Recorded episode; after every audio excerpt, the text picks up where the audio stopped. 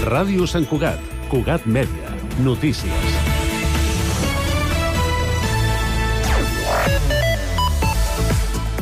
Bona tarda. El nivell dels embassaments del sistema Ter Llobregat, que abasteixen Sant Cugat, no para de baixar i ja se situa al 20,9%, gairebé 3 punts percentuals menys que fa un mes i 17 punts menys que fa un any. Pel que fa al conjunt dels embassaments de Catalunya, el nivell de reserves dels pantans està al 20,2% i se situa per sota del llindar d'excepcionalitat, que és el 25% per segona vegada a la història, després de la sequera del 2008. La manca de pluges apropa Sant Cugat i el país a una situació d'emergència a la qual no s'havia arribat mai. L'alcalde Josep Maria Vallès dona per tancada la polèmica pel nomenament de l'excandidata de Junts a l'MD, Susana Herrada, com a comissionada per a les relacions institucionals de Valldoreix. Mig miler de signatures ho han fet, no han fet canviar de parer Vallès, que ha lamentat les falsedats que exposa el manifest promogut per l'Associació de Veïns i Veïnes Progressistes de Valldoreix que titllen d'anomalia democràtica la concessió del càrrec a Errada. Escoltem primer la veïna de Valldoreix, Carmen Ballesteros, i després l'alcalde durant l'audiència pública del passat ple. Amb aquesta figura aquests motius demanem que amb caràcter immediat s'elimini del cartipàs aquesta figura i s'anuli el nomenament de l'actual comissionada o qualsevol altra té intenció d'atendre aquesta petició? La figura de la comissionada, que per mi és un assessorament, no és un càrrec electe, és evident que no és cap càrrec electe, està per ajudar, està per ajudar a Valldoreix. Per tant, en cap moment jo em plantejo la, la possibilitat de, de prescindir d'aquesta persona en absolut. Al contrari, continuarà endavant treballant per nosaltres.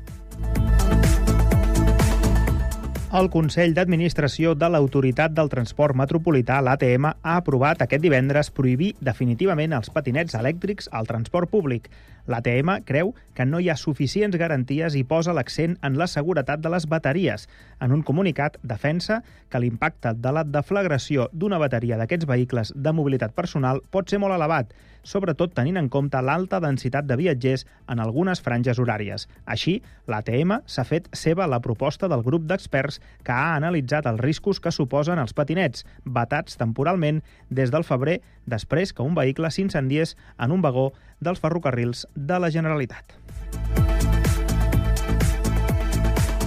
La informació torna a Ràdio Sant Cugat d'aquí una hora.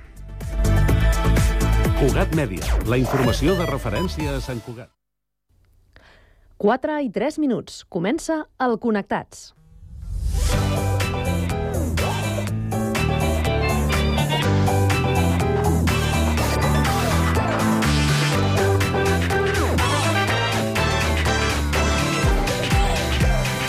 Connectats amb Carme Reversa.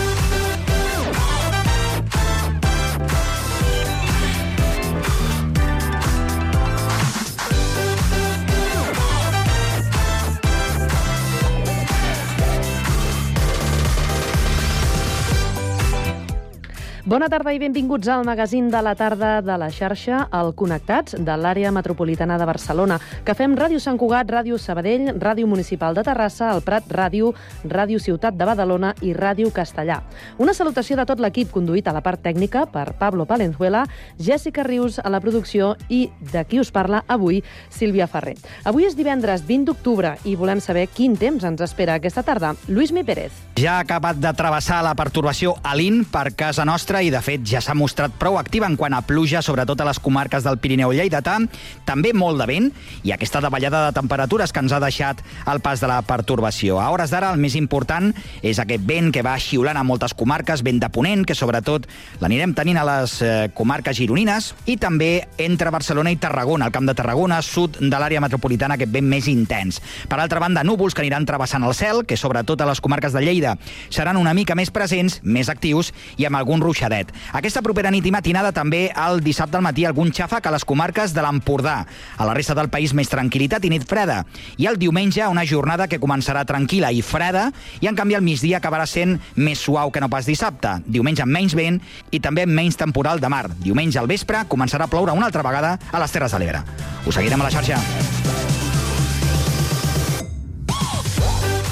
Avui al Connectats parlarem dels resultats de les competències bàsiques dels alumnes de quart d'ESO amb els pitjors resultats en català i castellà dels últims 10 anys. Entrevistarem Cristina Stigman, directora de l'Institut Eugeni d'Ors de Badalona. Acabarem la primera hora amb la tertúlia generalista per parlar dels migrants que arriben a les Canàries i també de generacions i ideologia. A partir de les 5 coneixerem la terrassenca Gemma Estrada, professora de ioga. Sabrem què ha fet bullir l'olla a les xarxes aquesta setmana amb Jessica Jessica Rius. Repassarem les estrenes a la cartellera cinematogràfica i marxarem de cap de setmana amb l'agenda del Connectats. Tot això i més des d'ara i fins a les 6 de la tarda a la vostra emissora local. Connectats? Comencem!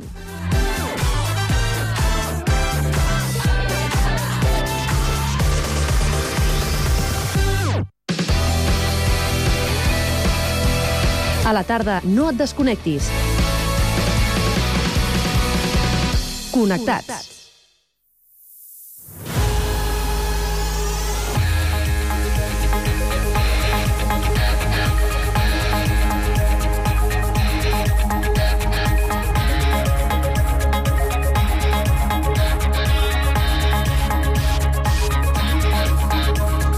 Quan passen 6 minuts de les 4 de la tarda és el moment de conèixer quines han estat les informacions més destacades del territori. Començarem connectant amb Ràdio Municipal de Terrassa. Sergi Estapé, bona tarda.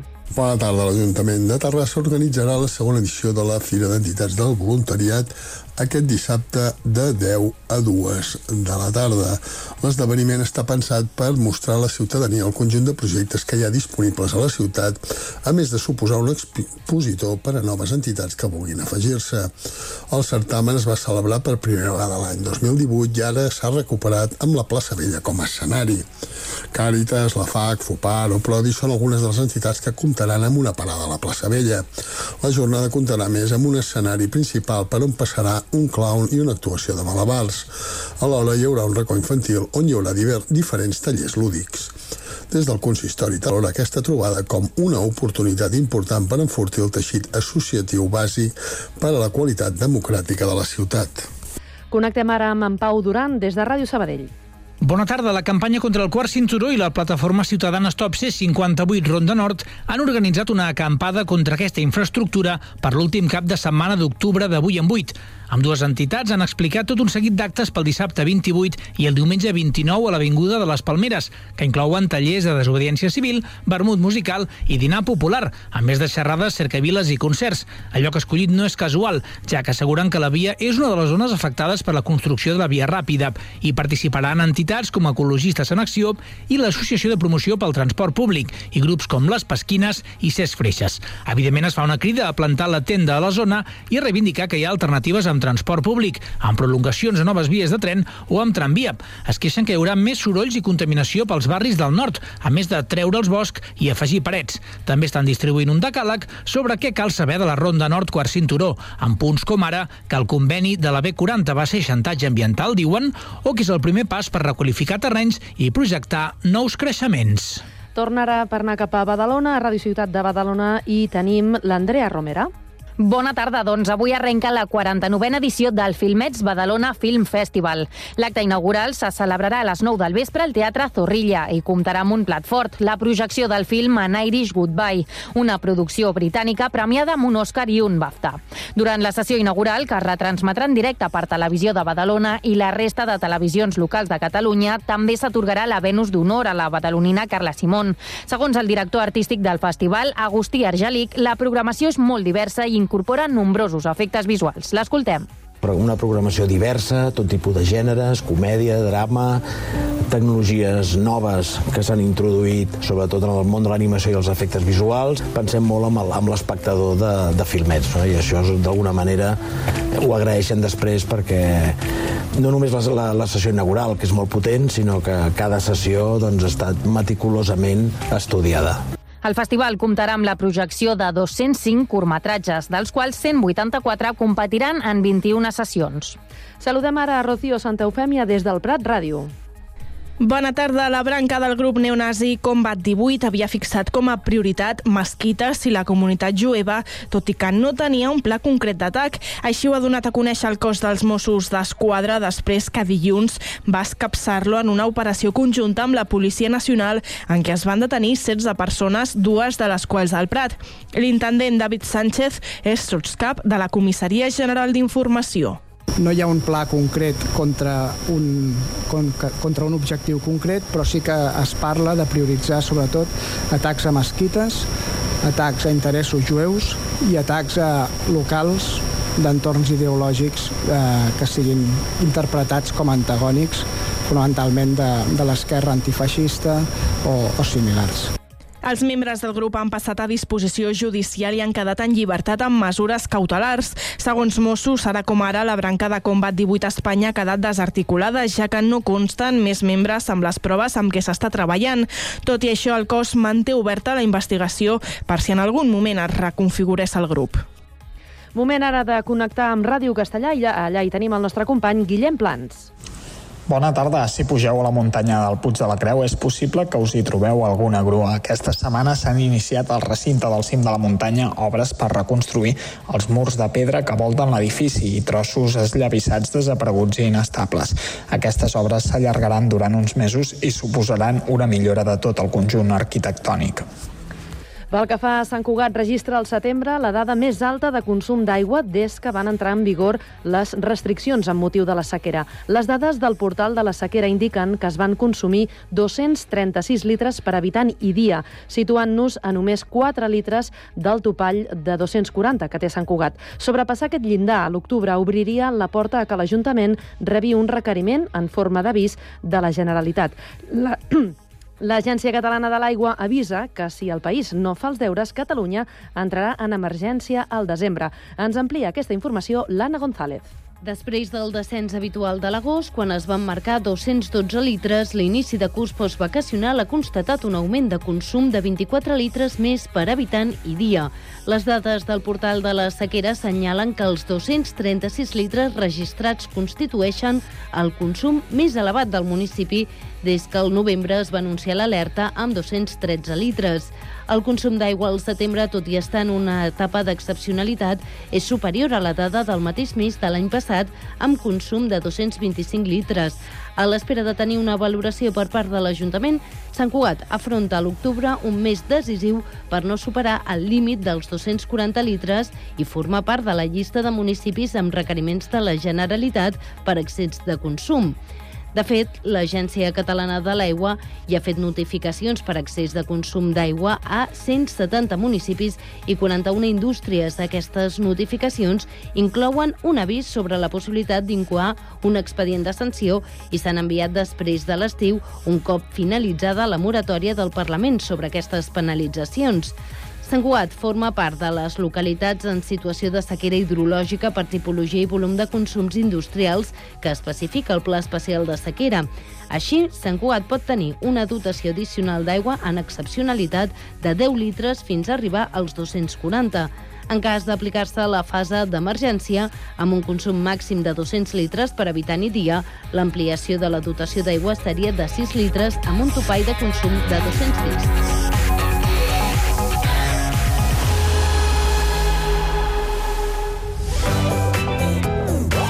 Connectats.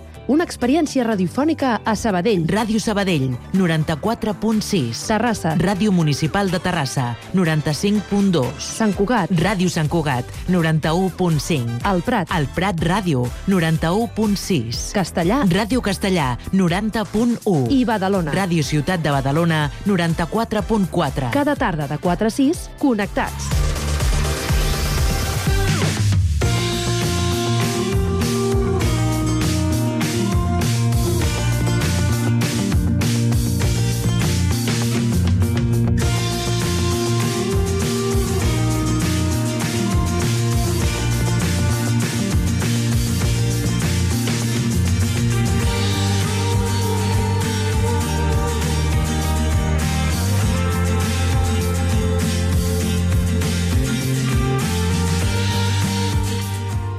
Els alumnes de quart d'ESO han obtingut els pitjors resultats a català i castellà de l'última dècada en les proves de competències bàsiques. Avui al Connectats en parlem amb la directora de l'Institut Eugeni d'Ors de Badalona, Cristina Stigman. Bona tarda, Cristina. Bona tarda. Saludem també la nostra companya Andrea Romera, que es troba als estudis de Ràdio Ciutat de Badalona. Bona tarda, Andrea. Bona tarda. Cristina, expliquem primer de tot en què consisteixen aquestes proves competencials. Doncs sí, mira, són unes proves que es fan dos dies a tot Catalunya, a tots els alumnes de quart d'ESO, eh, que es valoren el seu grau de coneixement a nivell de tota un, una mateixa població, és a dir, tot Catalunya, es fan al mes de maig aproximadament i es fan durant dos dies. Diguéssim, eh, dues hores per unes matèries, es després fa un descans, dues hores més per una altra matèria i així en dos dies. Es fa català, castellà, llengua estrangera, científica tecnològica i, i ja està, sí, i matemàtiques també. I l'objectiu és, entenc, recollir dades eh, per a veure com, com estan aquestes competències en aquestes edats. Què es fan amb aquestes dades? Amb aquestes dades es crea un, un ventall, un, una fotografia, una radiografia no, de com estan els, els alumnes a tota una, una zona ben gran, que en aquest cas és tot Catalunya, i es poden després comparar i fer estudis estadístics doncs, amb la resta d'Espanya o fins i tot doncs, amb la resta d'Europa o, diguéssim, són com una fotografia, una radiografia de com estan els alumnes de Catalunya en un moment donat, en una edat que és al final de l'etapa de quart d'ESO. I això és, eh, és a dir, amb aquestes dades i veient els resultats, després això modifica d'alguna manera eh, el, el catàleg, el, el currículum o la metodologia d'aquests ensenyaments? Efectivament. Clar que sí, sí, sí, sí, home, si no han de servir per alguna cosa. Llavors es fa una anàlisi de, de les dades que s'obtenen, tant siguis com siguin positives com en aquest cas que han, hi ha hagut una davallada. I a partir d'aquí es fa un, un, a partir de l'anàlisi es fa un reordenament doncs, des del punt de vista dels docents, des del punt de vista dels currículums, des del punt de vista dels mateixos alumnes, de les famílies, de tots els, tot el que hi ha al voltant de la comunitat educativa, clar que sí, perquè eh, és una fotografia i és molt important saber com estem, com estan els nostres alumnes, com estan els coneixements i com els hem d'enfrontar de cara als, als, als cursos següents. Sí, sí. Amb aquesta radiografia, Cristina, hem descobert que ha baixat el nivell de català, com comentàvem al principi, ha baixat gairebé dos punts sobre 100 respecte a l'any passat i també ha baixat el nivell de castellà, en aquest cas tres punts i mig respecte a l'any passat. Heu detectat els motius pels quals es dona aquesta davallada en, en aquestes dues llengües? Eh, nosaltres hem fet un estudi i, i hem vist, i no nosaltres com a Badalona, sinó a tots els territoris, en general és una cosa que és generalitzada, en primer lloc, hem de tenir en compte que venim d'una època pandèmica, però una, amb un confinament molt, molt exhaustiu que van ser tres mesos que van desconnectar totalment els nostres alumnes. Això va ser els confinaments. Però després hem estat, com aquell qui diu, dos anys amb una postpandèmia. Eh, vull dir, ara confinem un grup, ara es confina un altre, alumnes amb mascaretes, alumnes que no es podien barrejar a l'hora de l'esbarjo. Això ens ha provocat un desgavell enorme. Després, per altra banda, tenim la complexitat que hi ha a les aules eh, pels moviments migratoris que hi ha doncs, al segle XXI, que és lògic, i eh, hi ha una complexitat molt elevada que fa que hi hagin uns moviments, ja dic, migratoris i amb un alumnat vulnerable molt gran. Vull dir, ara es traslladen a Sud-amèrica, de Sud-amèrica venen a Europa, d'Europa se'n van a Àsia. És lògic, és així, però això afecta, evidentment. I, per últim, també tenim el tema de la matrícula viva. La matrícula viva són aquells alumnes que van arribant al llarg del curs Vull dir que poden arribar al mes de desembre, poden arribar al mes de gener. Clar, hi ha un període d'adaptació que fins que s'adapten a l'entorn on estan, això fa que, que, que sobretot el que és el tema de les llengües hi hagi una gran davallada, clar que sí, sí, sí. Has comentat el tema de la pandèmia. És cert que durant la pandèmia i sobretot el confinament van tenir una forta presència en l'educació a les pantalles. No sé si això ha fet que els alumnes s'enfrontin a noves dificultats del tipus de distraccions o estímuls que abans no tenien i que ara sí que en tenen. Clar, clar que sí, sí, sí. De fet, ara hi ha un greu problema, un gran problema amb l'ús dels, dels dispositius mòbils a les aules. Vull dir, ara està- s'està regulant i ara, mm, segons m'han dit, hi haurà una regulació per eh, ús dels mòbils a les aules. Perquè, clar, ens hem passat de no disposar de res a durant tres mesos vam viure gràcies a les pantalles, va haver-hi classes gràcies a les pantalles. Però és que ara Ara hi ha, en segons quins casos, hi ha un excés d'ús de pantalles. Llavors també s'ha de regular aquest. També hi ha el problema de la distracció, clar que sí, que per altra banda es fa, va bé perquè ens serveix per, com a novetats per, per la docència, però per altra banda s'ha de regular una mica tot aquest ús excessiu de les pantalles, sí, sí. Un altre dels factors que has mencionat és el tema de l'entorn d'aquests alumnes. Eh, Aquestes dades també ens diuen que l'entorn socioeconòmic dels alumnes condiciona els seus resultats i els alumnes que obtenen millors resultats són els que tenen un millor entorn socioeconòmic. Això ho heu pogut corroborar als centres educatius. Sí, en general això és cert i passa així. El que passa que també haig de dir que des del departament hi ha una sèrie de recursos per centres amb gran, amb gran complexitat, de màxima complexitat, la qual cosa fa que aquest desgavell entre uns i els altres el minori. Hi ha molts recursos que posa el departament per a aquells centres de màxima complexitat, per a aquells centres que tenen un nombre molt elevat d'alumnat vulnerable, que no els repercuteixi en aquest sentit en part negativa. Però és cert, però ja dic, hi ha molts recursos que ajuden a minorar aquest, aquesta diferència. Malgrat la davallada, però, estem parlant d'una puntuació de 72 punts sobre 100 en el cas del català i 71 punts sobre 100 en el cas del castellà. Això es considera realment una puntuació baixa? Perquè si, si ho passem a una puntuació sobre 10 seria un 7, realment, que és un notable. Eh, no, aviam, és cert que ha millorat molt i fins i tot l'ús del català a les aules eh, s'ha ha millorat moltíssim i l'ús del castellà igual i fins i tot l'ús de les llengües estrangeres, eh, l'anglès principalment, ha millorat molt.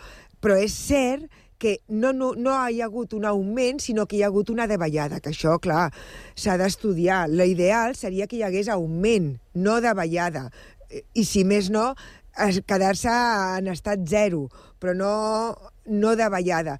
No és una gran davallada perquè és un punt i tres punts. És, però sobre 100. No és una gran davallada. No ho considerem una gran davallada. Però s'ha de mirar i s'ha d'estudiar i s'ha d'avaluar els motius per què.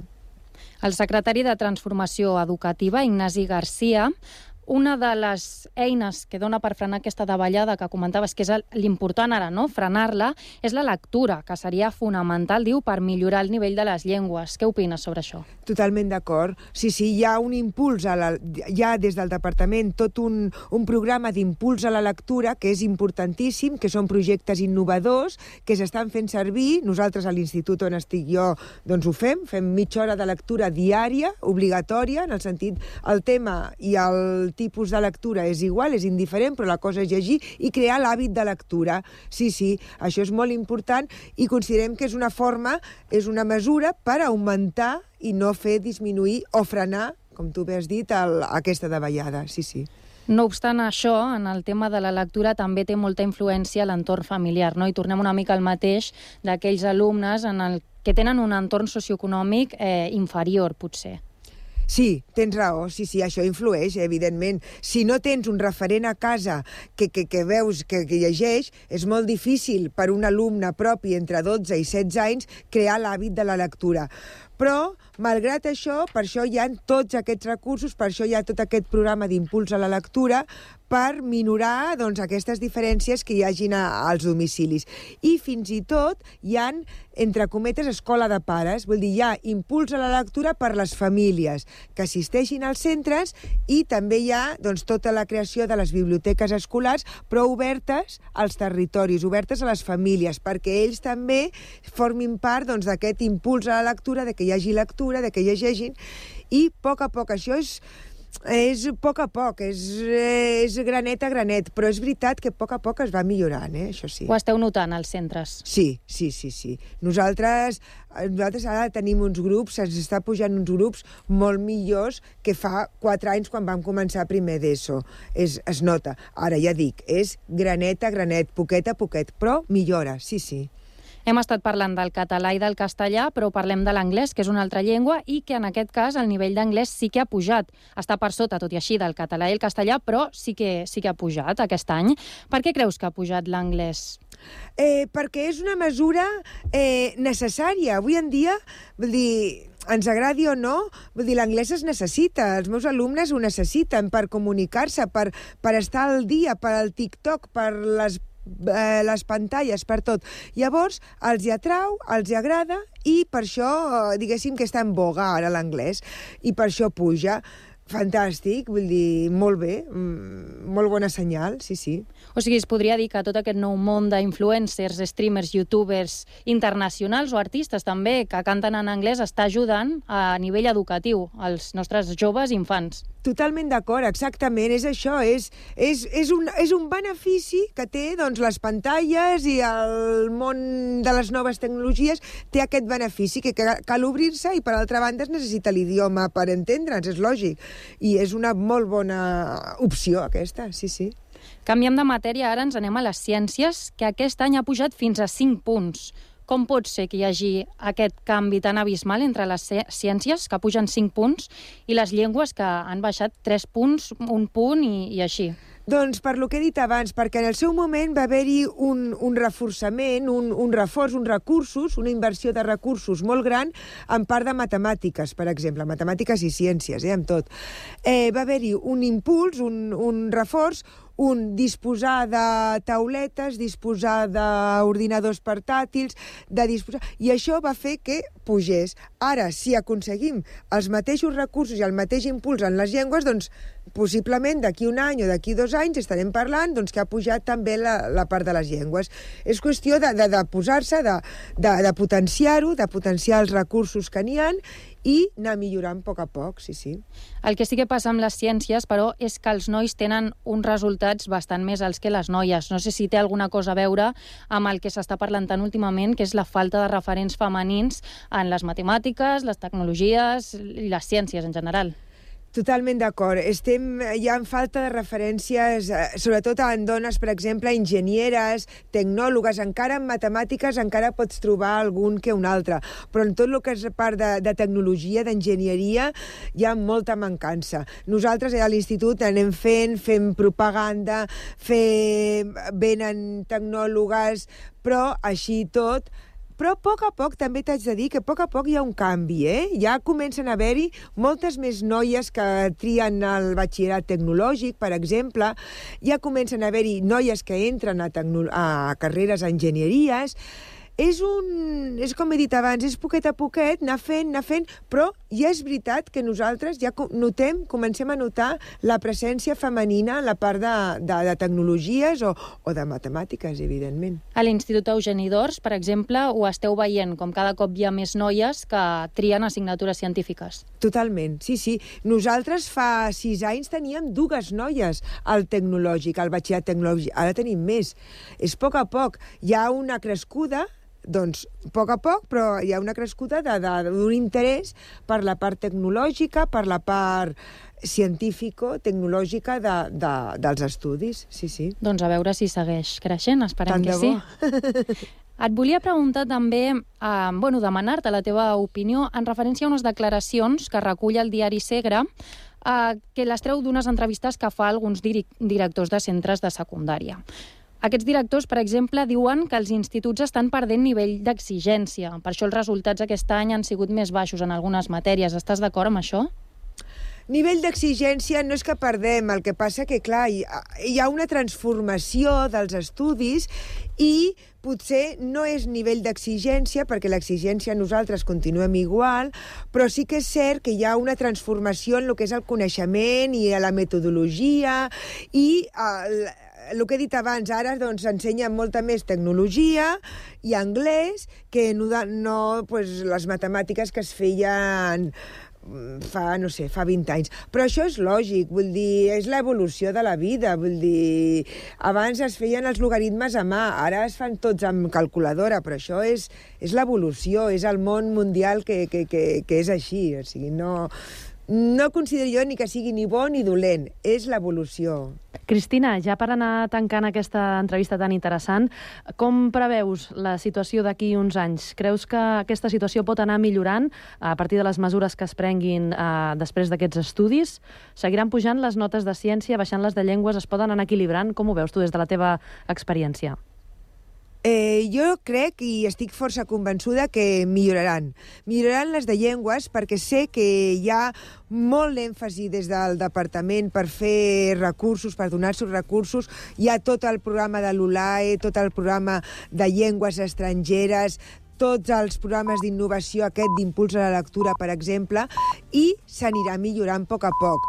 I per la part de, de ciències, doncs, també ja he dit, ara hi ha les noies, hi ha tot l'estim que, que està ara en boga totalment, tot el que és la presència femenina a la part científica, tecnològica, i a poc a poc anirà millorant. Jo crec que sí. Jo, jo vull pensar que d'aquí... Vull pensar i penso, de fet, que d'aquí un any o dos anys haurem millorat. Jo sí. Perfecte, doncs ens quedem amb aquesta reflexió, ho esperem tots plegats. Moltíssimes gràcies, Cristina Stingman, directora de l'Institut Eugeni d'Ors de Badalona, per visitar avui el Connectats. I gràcies també a Andrea Romera. Fins ara. Bona tarda. Bona tarda.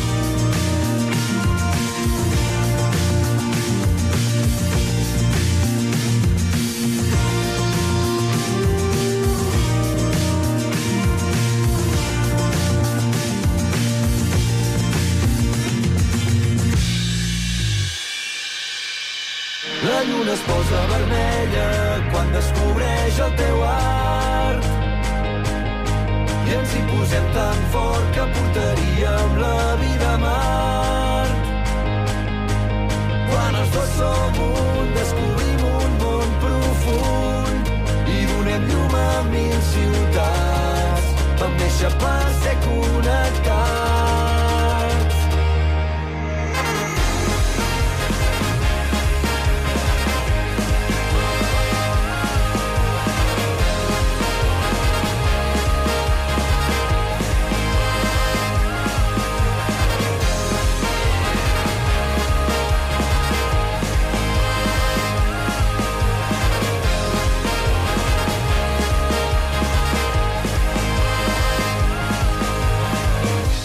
Connectats amb Carme Reverte.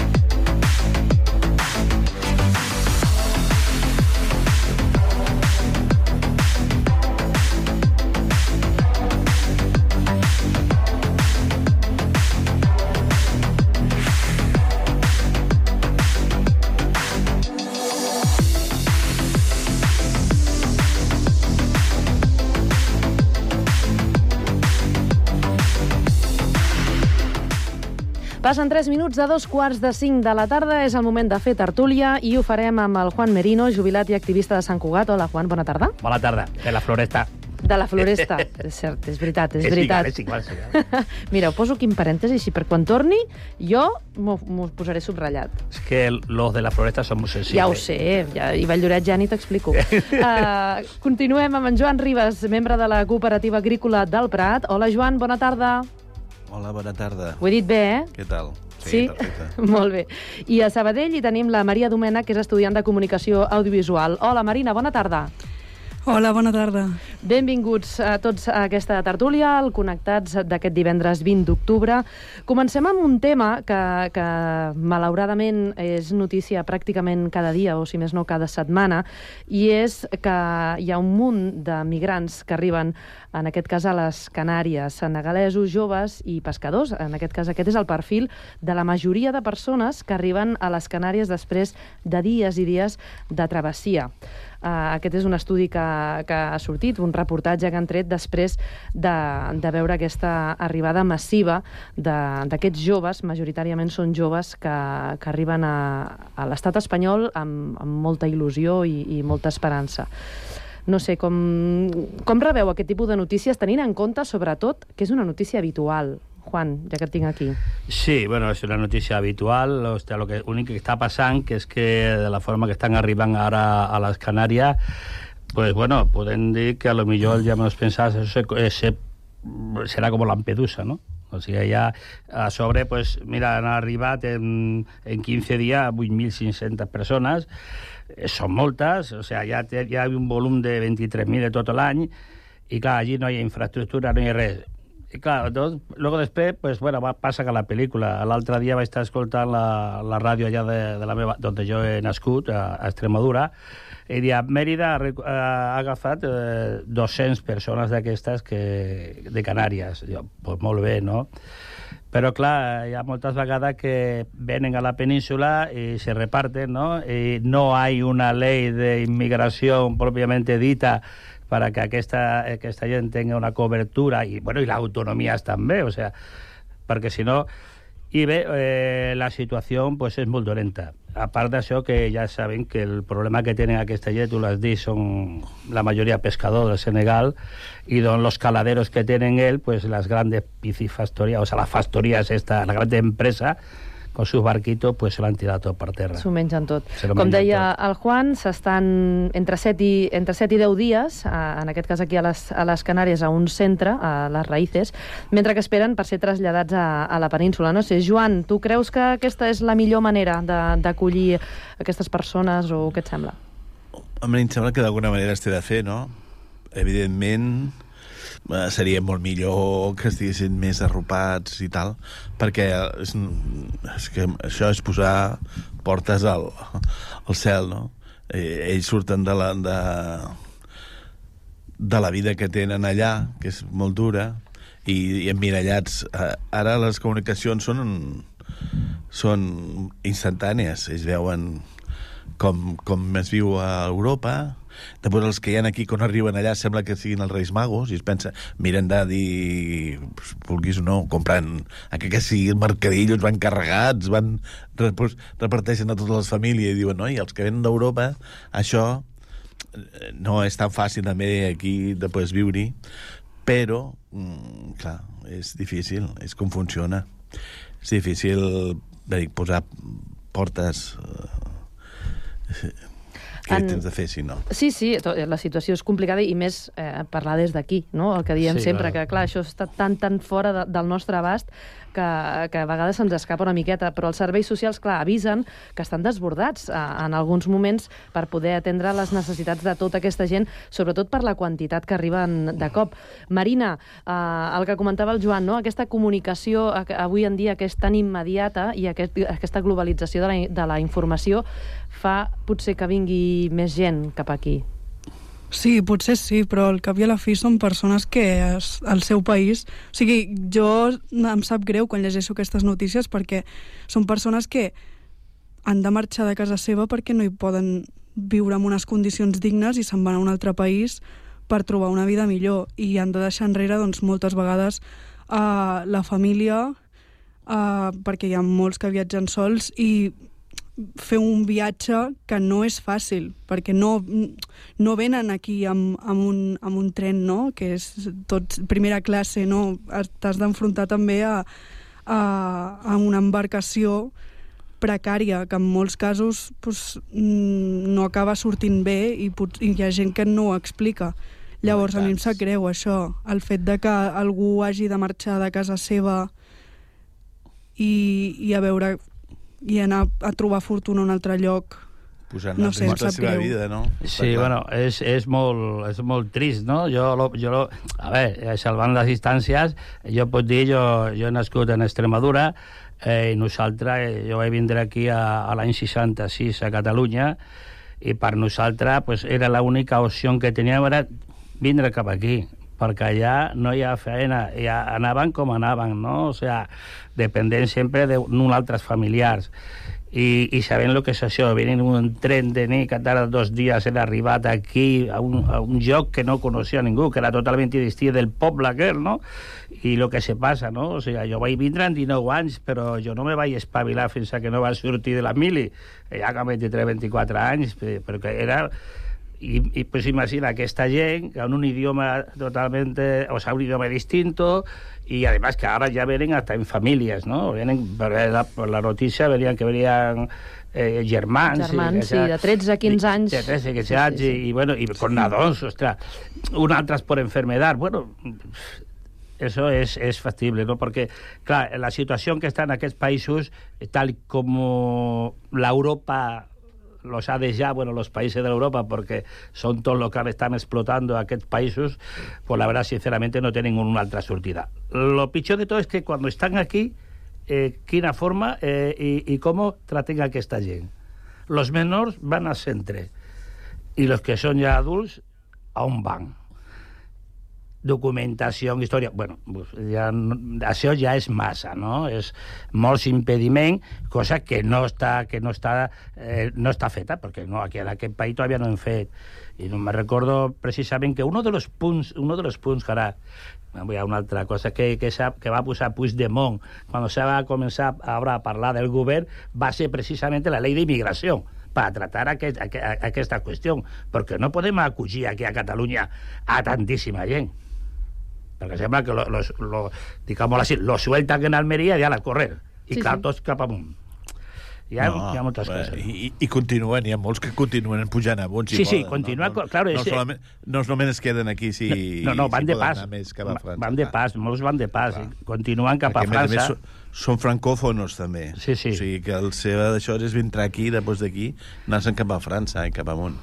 En fi, Però ja és, sabem- és Europa, que és el mirall, és Europa. Sí, el mirall és Europa. Que és ja, diferent. ja saben també que no solament hi ha morts al Mediterrani, que hi ha molt, però, però mireu aquí en el País Basc, en la frontera també n'hi ha. Eh? Passant el I riu tant, allà, tant. també que ha de quan en quan hi ha gent que para passar a França per allà ostres, és, és, és, bueno, és lamentable, lamentable tota aquesta, aquesta situació. I, bueno, i aquí, aquí van, van aguantant los jóvenes perquè bueno, hi, ha, hi ha moltes organitzacions que ja estan treballant sobre, sobre los que... So, clar, aquí quan salen de los centros ja és un altre problema. O te buscas la vida o si caes en un grupo de una ONG o algo que te puedan tirar endavant, si no, malament. Sí, de fet, el, el, el paper dels voluntaris és, en aquest cas és molt important, perquè eh, sí. en aquest cas que parlem de, de les Canàries, diversos voluntaris, Sí. entre dos i tres cops a la setmana, eh, doncs eh, ja fa temps que estan allà, sobretot eh, don, fent, donant un cop de mà a fora, perquè clar, dintre del centre sí. ells no, no tenen potestat, diguem, i estan a fora Però- de forma voluntària per, per ajudar bueno, en el que puguin. Nosaltres aquí a la Floresta tenim un grup que se diu eh, La Floresta contra Frontera, ¿no? Y aquí se está trabajando con los nanos, incluso con los que están dintre. Los que están dintre se está trabajando i alguns, bueno, estan, quan han sortit, han, han sido acollits per persones, persones grans que també los necessitan. O sea, La es- companyia, la, no? Falta de compañía, falta de cosas. Se- Los papeles, cercar los papeles. Incluso hi ha alguns que estan, que estan treballant, que han trobat eh, faena, eh? i nosaltres allà ara en l'espai més 60 de la Floresta pues, eh, hem començat con un, un acuerdo que tenim con Onion que eh, ara mateix tenim a 5 que ja estan aprenent el català o sigui, durant classes i ja, si, si li dones una eina a ells perquè treballin surt endavant, eh? Hi ha, molt, hi ha molt bona gent, eh? Potser aquesta, gent. aquest, això és el que tenim al nostre abast, no? El, Sí. que ens queda al nostre abast és això, associar-nos, crear entitats Sí. o participar d'entitats que donin un cop de mà a aquesta gent i des, en la mesura que és possible, no? que, que que, és, que és poca. perquè- No sé si a, al, al Prat i a Sabadell eh, coneixeu, Joan, Marina, entitats d'aquest tipus, no? que, que siguin una entitat eh, que aculli, que doni suport i que amb el seu petit granet de sorra no? doncs pugui donar un cop de mà a, a aquests nouvinguts. Sempre hi ha Sí. Gent voluntària a fer-se a fer aquests tipus de tasques però bueno, l'important és que l'Estat té, té una responsabilitat, no només la, el voluntariat de la gent, no? És qui, l'administració és qui pot posar més eines per, per tirar endavant això. Clar, per suplir per, voluntàriament eh, tu pots fer una cosa en petita escala però no, no ho pots fer No. mai a Clar, nivell del que fer l'administració. sí, sí. És a petita escala sí, tot. a Sabadell hi ha una entitat que es diu Ningú sense sostre, que acull gent doncs, que no té llar i a vegades hi ha, hi ha gent que venen en aquesta situació. Jo vaig conèixer una persona migrant que venia del Senegal eh, que, que estava vivint allà i sí, sí, fan una tasca que la veritat és que és necessària.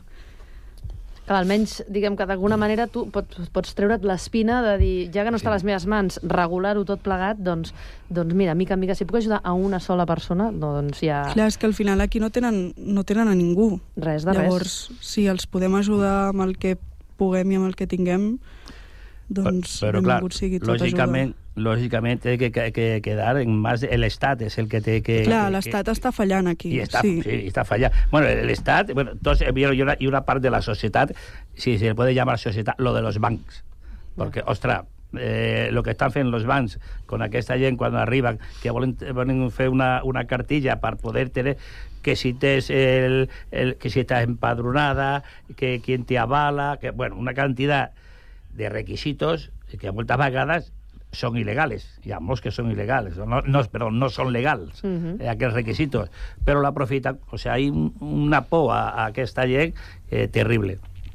Canviem de tema, si us sembla. Parlem ara de generacions i d'ideologies.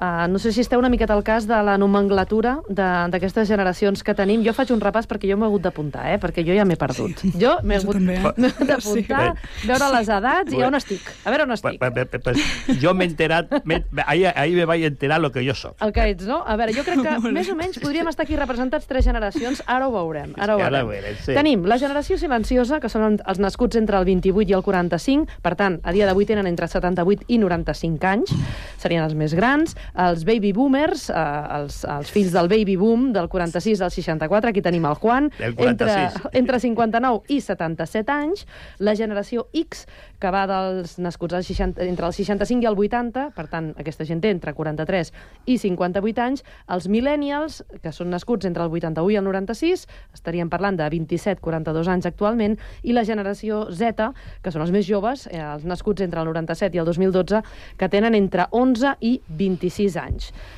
Ens estem situant. Tenim el Juan és generació boomer. Boomer. Baby, no, baby boomer. Jo soy del 46. Baby boom. Joan, tu on estàs? Bé, baby boom boom. Ba baby boom també. Marina, sí, també, també. a on t'hem d'ubicar Jo, tu? generació Z. Generació Z, perfecte. I jo sóc millennial, per tant, estem, jo crec que tenim aquí una miqueta de repartiment. Sí. Doncs... Però sí, perquè los alfa, los alfa són, són los de, de 2013 que, cap aquí. Ah, ja m'he perdut, veus? Aquest ja Sí. és... Ja, mira, jo ja no l'he agafat, aquesta. Però entenc que aquest, es- aquest, uh, aquest estudi, com que estava està, està al Centre d'Estudis d'Opinió, el que fa és uh, un balanç no, de quines són les ideologies segons la, la generació a la qual pertanys. Els més joves són uh, d'esquerres, diu aquest estudi, i hi ha una desafecció creixent cap a la política entre molts catalans. Uh, això sí que afecta a totes les generacions. No sé si, tot i que afecti a totes les generacions, és més d'ara que d'abans, no? És a dir, abans hi havia molta més activitat política, per, precisament perquè hi havia més, no? més empatia i més simpatització cap a la política, i en general ara ja tant els més grans com els més joves, com que ja ho veiem tan llunyà, no? a més a més venim de parlar d'un tema on hem demostrat que estem molt lluny de la política, no? i llavors això fa que realment t'allunyis d'aquest interès de participació, d'activació. Bueno, nosotras, nosotras los boomers, o sea, eh, pues lógicamente eh, nascut con la política, Clar. perquè era temps... Eh, I bueno, hi ha molts que, hi ha molts que s'han descabalgat, no? Però bueno, hi ha altres molts que continuen aquest tema. Eh, yo lo que más, bueno, ya se, se veía venir. Esto es producto, producto eh, de la política que últimament s'està s'està portant a terme. No ve ara de 5 anys ni de 10 anys, eh? ven a darrere. Fa molts anys que aquí, a, a, a, no solamente aquí a Catalunya, eh, i sobretot a l'estat espanyol, allí més encara, no hi ha polítics con visión de estat, de amplitud. ¿eh? O sea, polítics que, que con proyección para el futuro están nada más que en el presente. Està, estan fent política només que per ara, lo immediata. Los vots, cada quatre anys. Així és normal que la joventut que la joventut pues, diga, "Ps, jo passo. Què passa? Que la joventut se, se, se va a l'extrema dreta en aquest cas, que són els que estan agafant, els que estan fent un relat i que agafen el relat de l'extrema dreta i se van amb ells. Eh, los, los de... Perdó. Sí, precisament el, el, els estudis, sí, la generació silenciosa i generació Sí, Z, que serien sí. els més grans, i els Sí, més el- joves són el- els el- més Sí, conservadors. sí, però, clar, però la, la, la, la silenciosa ja, com 78 anys, ja mm, molta gent ja diu, jo ja les batalles ja les tinc fetes, jo vull tranquil·litat, com aquell que deia, no, no, nosaltres volem autonomia, no ha de, de, deixa de follons, follons ja, no? Això és lògic. En la joventut, no tant. En la joventut se tira més per a la dreta perquè l'esquerra ha, per, ha perdut el seu relat Mhm. i perquè l'esquerra que en aquest país no ha fet el que tenia que haver fet. I hi ha un desengany total. Marina, per al·lusions, com a generació Z. Què opines Jo, del clar. teu entorn, eh? El, el, el que tu Clar, veus? El meu entorn no és així. Llavors, surt una enquesta on diuen que la generació Z som centre-dreta, som més conservadors, doncs, home, m'ho puc creure perquè sí que és veritat que els discursos de, de dretes i d'extrema dreta estan calant bastant entre els joves, però clar, en el meu entorn i pel que jo visc, no. Però llavors, a, a partir d'aquest- d'aquestes enquestes és quan te n'adones que realment vius en una bombolla. O sigui, Sí. mm, jo el, el que visc no és això, però puc No, no. entendre que... Perdona, que, perdona, bueno, un, un incís. Eh, me s'ha per, eh, he perdut Sí, un, digues. un detall aquí. Eh? El 25% de les dones més joves són d'extrema esquerra, de la generació Z. Mhm. Mhm, és veritat. És, és, és, no, que sí, ja. Joan, no, sabia si, no sé si volies comentar alguna Sí. cosa, digues. Sí, bueno, és normal. Els que vam fer nosaltres la transició de la, de la dictadura, evidentment no podem... Nosaltres sabem el que era de veritat la dictadura, no el que es diuen ara aquesta gent i els joves s'ho creuen. Perquè, home... Els Sí, que nosaltres viscut- sí que lo sabíem. Que, que, Lo sabem, vamos. Que, que al migdia hi havia un parte que volien dir les notícies d'Espanya eren unes, no n'hi havia res més. Tot deien el que volien i no hi havia ningú que contestés. O sigui, és que hi ha tantes coses que la gent desconeix, per- s'ho creu que seríamos maravillosos porque nosotros decimos que lo vamos a hacer bien, que, que, que bueno, és el, el tram i les mentides i que al final la gent s'ho acaba creient, però és perquè no ho han viscut, perquè això és horrible. Per horrible això- de totes, Per totes. això el que deia jo, que hem, hem perdut l'esquerra, hem perdut el relat, o sigui, la- la- l'esquerra no ens sap explicar, explicar tot lo que, lo, lo que és. I entonces, doncs, pues, clar, per això su- surt vots i, i, bueno, i aquesta gent. Marina, però tu estaries d'acord amb, amb aquesta desafecció creixent cap a la política o aquesta visió més generalitzada que, que els ciutadans no tenen o no tenim capacitat d'influir en els polítics? Sí, jo crec que sí, que, que la, bueno, almenys el que jo he viscut del meu entorn és uh, això, mm, el tema polític interessa entre poc i, i, i gens. Però per, potser per I això, no? se Perquè ho veus- representats. clar, ho veus I llunyà. no se senten representats per, per cap partit. Jo no, però, però bueno, a veure, pel que veig, o sigui, la gent no li interessa la política, la gent no li interessa, no es veu representada pels partits polítics, estan molt, doncs això, desmotivats, el tema d'anar a votar és una cosa que no la veuen com necessària, bueno, es desvinculen d'aquesta part. El que també es Bueno, considera és que els joves eh, o el, el, creuen que tindran un futur més difícil que el que han tingut el, els seus predecessors, tot i que acadèmicament estan molt més preparats. Sí, clar, ja, abans no tenien estudis. Clar. Bueno, jo lo dic, jo lo dic clarament. Eh, jo, per exemple, eh, jo no tinc el, el, la cartilla d'estudis primaris. Mhm. A mí en el ejército de Franco, cuando vaya allá, me van a hacer un examen y me van a dar un papel que decía ah, el soldado Juan Antonio Merino Muñoz ha quedado alf- alfabetizado en este curso. Mira, Pues ya estoy ja alfabetizado. és alguna cosa. ¿Es? pero, pero había conciencia de clase. Ja. I la, i la gent en, en aquell terreny sabia el que es feia. Avui la joventut, con tot l'adelanto que hi ha i tot, han viscut perquè nosaltres no volíem que nostres fills facin com nosaltres. Entonces, Ja. l'hem donat tota la facilitat. Hem treballat perquè ells estiguin millor que nosaltres, donar-les tota la facilitat. Entonces nos trobem ara sí, que hi ha molts estudis, i bueno, bueno a part diu, i per què me sirve a mi estudiar tant si luego no, no, no, no trobo treball? Pero claro, tendrían que tener una mica més de, de- no sé, yo pienso que la ideología aquí es bastante importante, lluitar més, perquè si no és impossible. I clar que se lo trobaran pitjor. tu ja ho corrobores, eh? Sí, Joan, com ho veus? No, una mica així també, no? En el sentit de que ara estan molt ben preparat. Després, el que de les noies siguin més d'esquerres també té una lògica, perquè elles sí que tenen que guanyar-se encara el seu nicho de veritat, que els hi falta molt per, perquè estiguin igualats Sí, sí, bueno, els salaris, el reconeixement acadèmic... És que hi ha tantes coses que, que tenen de lluitar encara que això els hi fa que siguin més reivindicatives més que els nois. Bueno, i la, la, Jo- les dones són les que avui porten la, la, la bandera de les reivindicacions de I tot tant, arreu. i tant. O sea, que sí. A mi el que m'ha sorprès també d'aquesta enquesta ha sido que eh, diu los catalans parlant són los que estan, és el 45% de totes les franges d'edat estan per la independència.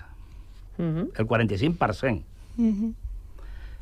que això luego después no sé si se reflejarà en los vots, perquè com han sortit ara, no, no, no, no va. Això és la desafecció també de los partits. Clar. És la desafecció. dels partits i de sentir-te...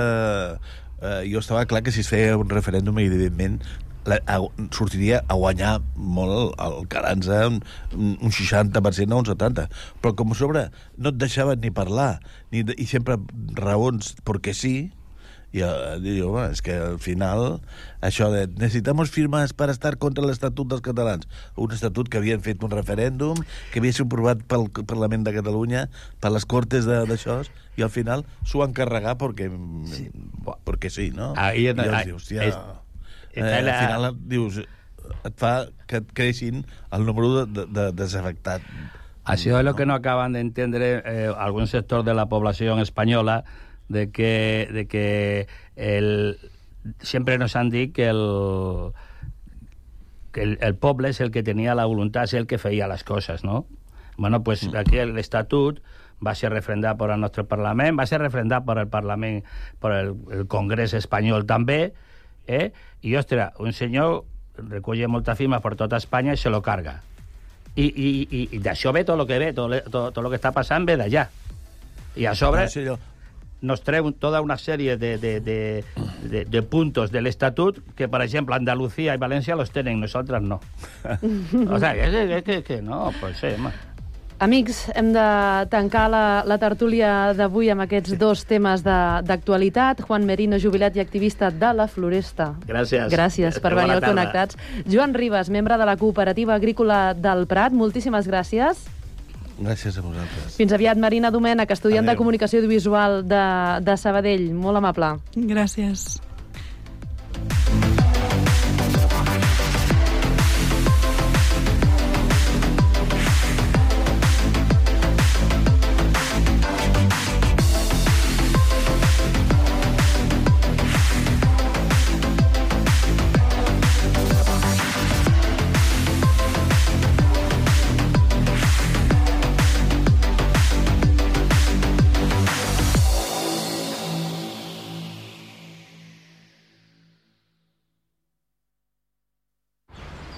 Estàs pensant a posar plaques solars a casa teva?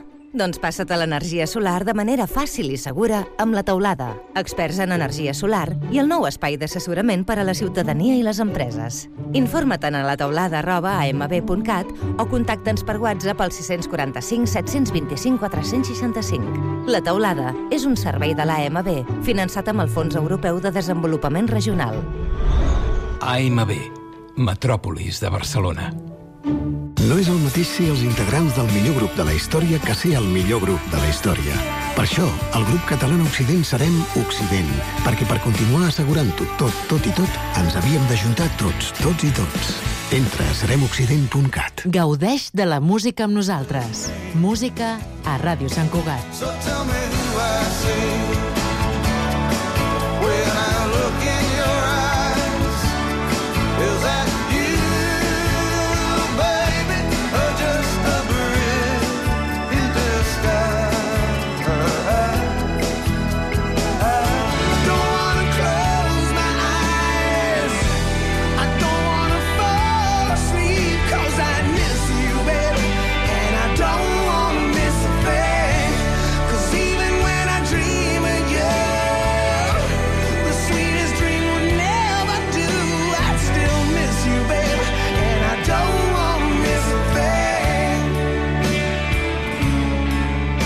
Música a Ràdio Sant Cugat. Hasta luego, cocodrilo. El programa Cocodril Club arriba als 30 anys en antena. Vine a la festa d'aniversari. La celebrarem el diumenge 22 d'octubre de 18 a 22 hores a la discoteca Barrocos, Aribau 242 Barcelona, amb les cançons que més us agrada ballar de tots els temps. Actuaran com a padrins Leslie del Cirex Maldigo mi destino, mi estrella se eclipsó. i Santi Carulla dels Mustang.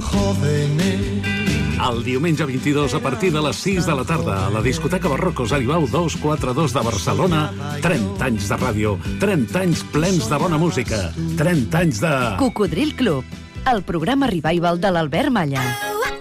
Hasta luego. No és el mateix ser els integrants del millor grup de la història que ser el millor grup de la història.